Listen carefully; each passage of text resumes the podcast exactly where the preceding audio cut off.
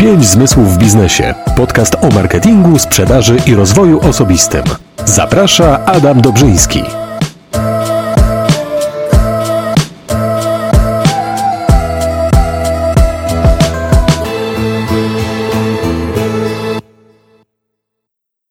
Siemanko ludziska, z tej strony Adam Dobrzyński i podcast 5 zmysłów w biznesie. W dzisiejszym nagraniu moim gościem jest Marek Zmysłowski, znany przedsiębiorca z Koszalina, który wyemigrował na Czarny Ląd. Ostatnio też możecie go poznać między innymi z tego względu, że napisał książkę Goniąc Czarne Jednorożce. Proszę bardzo Marku. Marku, opowiedz coś w skrócie o sobie, jak wyglądała może po trochę twoja droga do tego miejsca, w którym teraz jesteś, żeby nasi widzowie, ci, którzy ciebie jeszcze nie znają, a coraz więcej osób ciebie jednak w Polsce zna, dowiedzieli się, jak wyglądała twoja droga do napisania tej książki. Tak jest i może też wytłumaczę się, dlaczego 33-latek pisze biografię, bo to też się nie zdarza. Ja mam dość taką ciekawą specjalizację, bo jestem przedsiębiorcą internetowym, który całkowicie skupił swoją działalność na, na Afryce. E, kontynentu, na kontynencie skądinąd dla nas bardzo egzotycznym. No ale po kolei. Ja pochodzę z Koszalina. W wieku 19 lat porzuciłem pierwszy rok e, studiów. Postudiowałem na Politechnice Poznańskiej. Mimo tego, że miałem stypendium, uznałem, że będę tak samo jak Mark Zuckerberg zmieniał świat poprzez budowanie startupów, ale zaczęło się to u mnie od firmy finansowej. Dołączyłem do jednej z pierwszych i największych firm wtedy pośrednictwa finansowego w Polsce i zarobiłem zbyt dużo pieniędzy za szybko i za łatwo. Ja w wieku dwudziestu kilku lat e, zarobiłem pierwszy milion i były to pieniądze zdecydowanie zbyt szybkie, które sprawiły, że uderzyła mi woda sodowa i po roku wszystko straciłem, byłem z na minusie i, i skończyłem za barem tak naprawdę, żeby ratować się z długów, bo nic innego nie mogłem, nie mogłem, nie potrafiłem robić, bo już nie chciałem robić finansów. E, jakoś się z tych długów wykaraskałem, bo też przy okazji dołączyłem do startupu e, internetowego tutaj w Polsce, który przy ogromnym moim szczęściu też dość szybko się rozwinął i udało nam się go sprzedać, więc to mi też trochę pomogło wyjść ze swoich długów. Następnie założyłem w Polsce jeden z pierwszych, tak naprawdę pierwszą ogólnopolską sieć usług pogrzebowych. To była wtedy dość duża rzecz, e, bo my chcieliśmy skonsolidować zakłady pogrzebowe z całej Polski i wprowadzić je na giełdę. Trochę zadarliśmy nie z tymi osobami, co trzeba, bo ja wtedy jeszcze nie wiedziałem, że było coś takiego jak afera łowców skórki wiele, wiele lat temu i z tymi ludźmi zadarliśmy. Ten biznes jakoś tak średnio wyszedł. Natomiast dalej, kontynuując swoją przygodę biznesową, poznałem właścicieli Zalando, pewne, pewnie dobrze znanego w Polsce, którzy wtedy właśnie zebrali dość dużo pieniędzy od inwestorów i byli gotowi na budowanie, po prostu mówiąc, e, kopii Amazona, Booking.com, Ubera, dowożenia jedzenia, OLX-a, tych takich podstawowych biznesów internetowych w Afryce i potrzebowali menadżerów, którzy po prostu mają odpowiednio dużo odwagi i polecą do Afryki i, i tam zaczną te biznesy otwierać od zera bo te, ta duża firma niemiecka, która jest właścicielem Zalando, uznała, że Afryka koniec końców będzie tak, tak samo rozwinięta ekonomicznie jak Europa Zachodnia czy Stany i tego typu biznesy też tam będą potrzebne, więc oni je założą odpowiednio wcześniej. Więc ja byłem odpowiedzialny za otwarcie kopii booking.com. To był rok 2012. E, udało nam się tę firmę wprowadzić na giełdę w Nowym Jorku. Ja już wtedy zakochałem się w Afryce, nie tylko w startupach technologicznych, ale też w Afryce. Long story short, żeby nie przedłużać, mój kolejny biznes z kolei przyczynił mi wielu wrogów lokalnych, nigeryjskich podczas sprzedaży mojej kolejnej firmy do innej firmy, jeden z moich lokalnych inwestorów nie do końca mu się spodobała cena sprzedaży tej firmy. Koniec końców przekupił nigeryjską policję, e, która wystosowała za mną nakaz aresztowania. E, nigeryjski rząd poszukiwał mnie za tak zwane oszustwa finansowe na wielką skalę i groziło mi w Nigerii do 21 lat więzienia. Jednocześnie z, tą, z tym całym nakazem aresztowania dostałem ofertę od pewnych prawników z Nigerii, którzy powiedzieli mi, że jeśli zapłacę pewną kwotę, to wszystkie moje problemy związane z nakazami aresztowania z, z Nigerii znikną w ciągu kilku dni. O dziwo była to kwota identyczna, które chciał ode mnie mój inwestor, e, ten taki mały, lokalny e, e, z Nigerii. I tego typu przygody, i też również wiele, wiele innych, pisałem wszystkie do, do książki, bo uznałem, że moja historia jest na tyle ciekawa, że warto ją przekazać dalej. Ja chciałem przede wszystkim napisać książkę o biznesie w Afryce, bo nie ma takich książek, bo ludzie, którzy są zainteresowani Afryką, mają do dyspozycji albo książki akademickie, takie mocno techniczne, tłumaczące, co tam się w Afryce działo i dlaczego jest tak źle, skoro jest tak dobrze, albo mamy książki podróżników o tym, jak motocyklem jeździli przez Saharę. Natomiast ja chciałem książkę o biznesie w Afryce, bo dla mnie moja Afryka to, jest, to są lotniska, biurowce, duże miasta. Ja mieszkając 7 lat w Afryce nie byłem ani razu na safari A z drugiej strony nie chciałem, żeby ta książka była mega nudna, więc powrzucałem tam dużo przygód, które mi się wydarzyły. No bo jak się mieszka 6 lat w Nigerii, przepraszam, 5 lat w Nigerii, 2 lata w RPA, no to siłą rzeczy przygody się tobie trafiają. Więc chciałem, żeby to była mieszanka autobiografii z książką biznesową, żeby rezultat był taki bardziej e, łatwy do przyswojenia i do strawienia, jeśli chodzi o, o, o treść. I udało mi się tę książkę wydać z, z wydawnictwem Agora w Polsce. I, i, I dlatego teraz tutaj jestem i ją e, promuję. Też co jest istotne, to e, cały dochód mój ze sprzedaży tej książki idzie na działalność charytatywną e, właśnie w Nigerii, czyli krajowi, któremu zawdzięczam dużo przygód, ale też mm, jakiś tam sukces.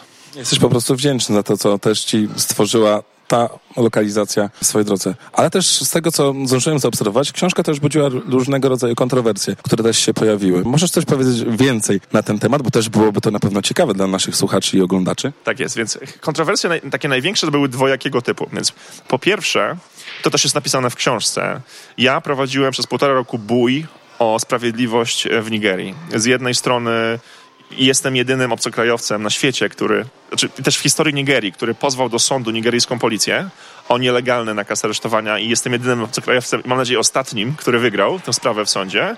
I, a żeby zbierać materiał dowodowy, to ja wielokrotnie spotykałem się z tymi tak zwanymi czarnymi charakterami, tak jak w firmach Hollywoodu z nagraniami i tak dalej, udając, że ja chcę zapłacić, tylko muszę, potrzebuję więcej czasu i tak dalej. Tak jak w filmach Hollywoodu. I oni do momentu publikacji książki nie wiedzieli, że co się dzieje. I kiedy poszła informacja, że książka jest publikowana, najpierw w Polsce, a za trzy miesiące, mamy teraz kwiecień, za cztery miesiące e, w Stanach i w innych krajach angielskojęzycznych, no to oni nagle musieli zmienić totalnie podejście i wystosowali czarny PR, który mnie atakuje po to, żeby mm, jakby pchnąć ich wersję, przygotowując się na, na obronę, która, na którą, którą będą musieli dokonać po tym, jak to wszystko wyjdzie na jaw, jak to, że tak powiem, szambo się wyleje. A z drugiej strony Początek mojej książki też dotyczy moich pierwszych lat w branży finansowej w Polsce. To były wczesne lata 2000, kiedy na reklamach, na billboardach przy ulicach widziałeś reklamy Arki, y, jakichś funduszy inwestycyjnych 30% rok do roku, kiedy każdy brał kredyty we frankach, bo to przecież było oczywiste i takie bezpieczne i tak dalej.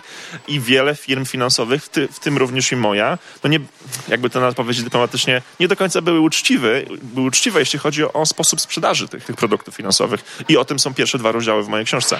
I, i, I te rozdziały też dość mocno wzburzyły, szczególnie opinię internetową, opinię internautów na temat książki mojej osoby, bo w tej książce narrator dojrzewa. Ja pierwsze rozdziały, kiedy miałem 19 lat, 20 i zarabiałem za dużo kasy, piszę z perspektywy 20-latka a ostatnie rozdziały piszę z perspektywy 32-latka po przejściach. I narracja też dojrzewa z książką, ale jeśli ty przeczytasz tylko pierwszy rozdział, no to uznasz, że jestem dupkiem.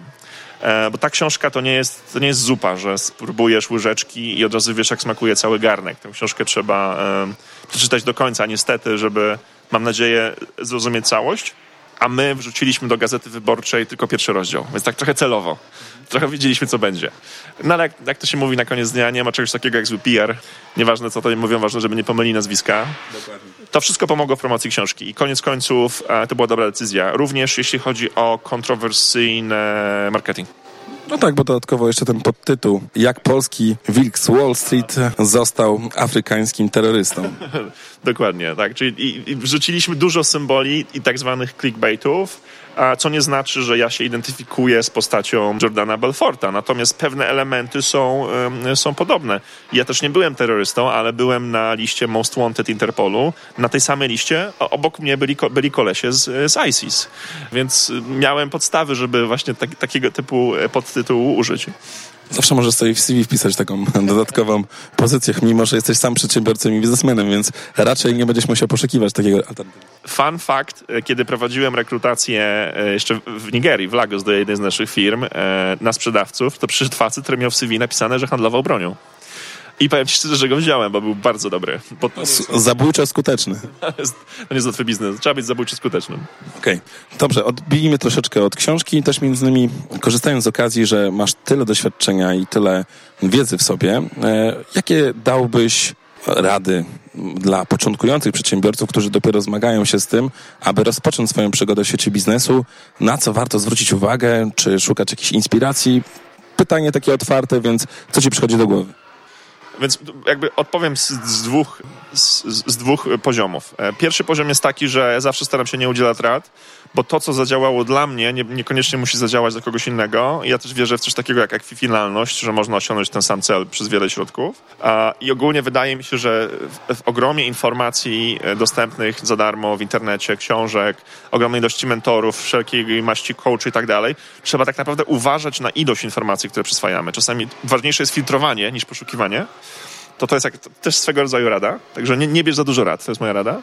Ale druga rada, patrząc na to, jakie ja błędy popełniłem, to z perspektywy czasu ja za szybko poszedłem do biznesu.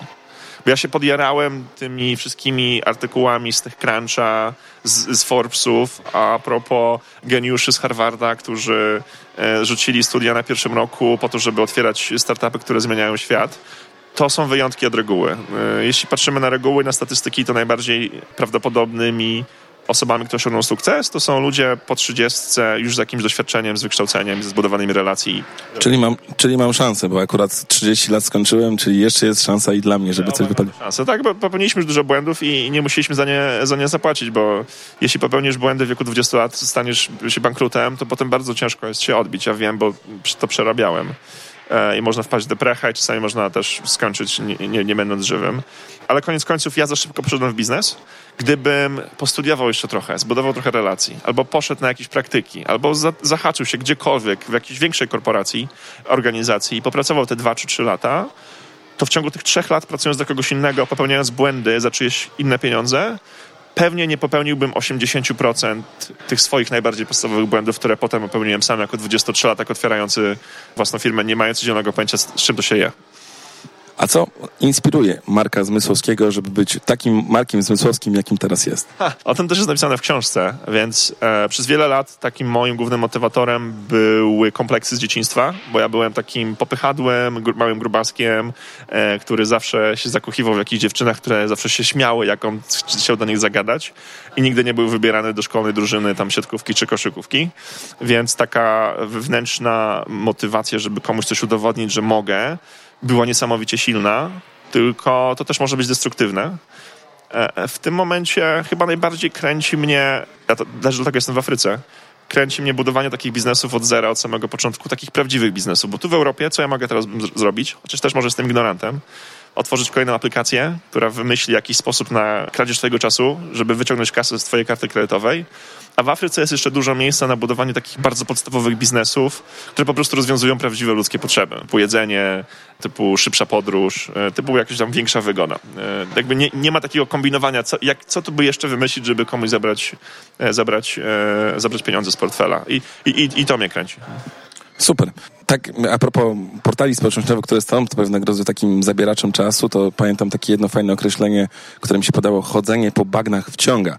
Więc w tym akurat aspekcie wiem, o czym mówi, staram się też być bardziej już teraz e, twórcą niż e, tylko oglądaczem i scrollowaczem, ponieważ e, wolę skoncentrować swoją uwagę na jakichś własnych rzeczach, które mogę zmieniać. No i jak mówiłeś, 30 lat, to też jest taki czas, że może w końcu spiąć cztery litery i ruszyć w świat bardziej biznesowy. Dodatkowo, tak jak ty byłeś grubaskiem, jak mówisz, tak ja jeszcze jestem i też mam w tym momencie szansę, bo akurat e, podjąłem takie mm, przedsięwzięcie, żeby jednak trochę zrzucić z ciała, czuć się lepiej, ale no to, to skoro mówisz, ty dałeś radę, to dlaczego nie, jak mówi Arnold Schwarzenegger? Tak, tylko w moim przypadku chodziło o to, jak ja się z tym czułem, bo, bo to można mieć, można być zbyt chudym i się czuć z tym fatalnie, można być zbyt grudym i czuć się z tym fatalnie. U mnie po prostu był dysonans pomiędzy tym, jaki chciałem być, a jaki byłem i nie potrafiłem zbudować wartości z wewnątrz siebie, co nie znaczy, że musisz być, musisz mieć sześciopak, żeby być e, szczęśliwy ja też to teraz rozumiem, a wtedy też tego nie rozumiałem.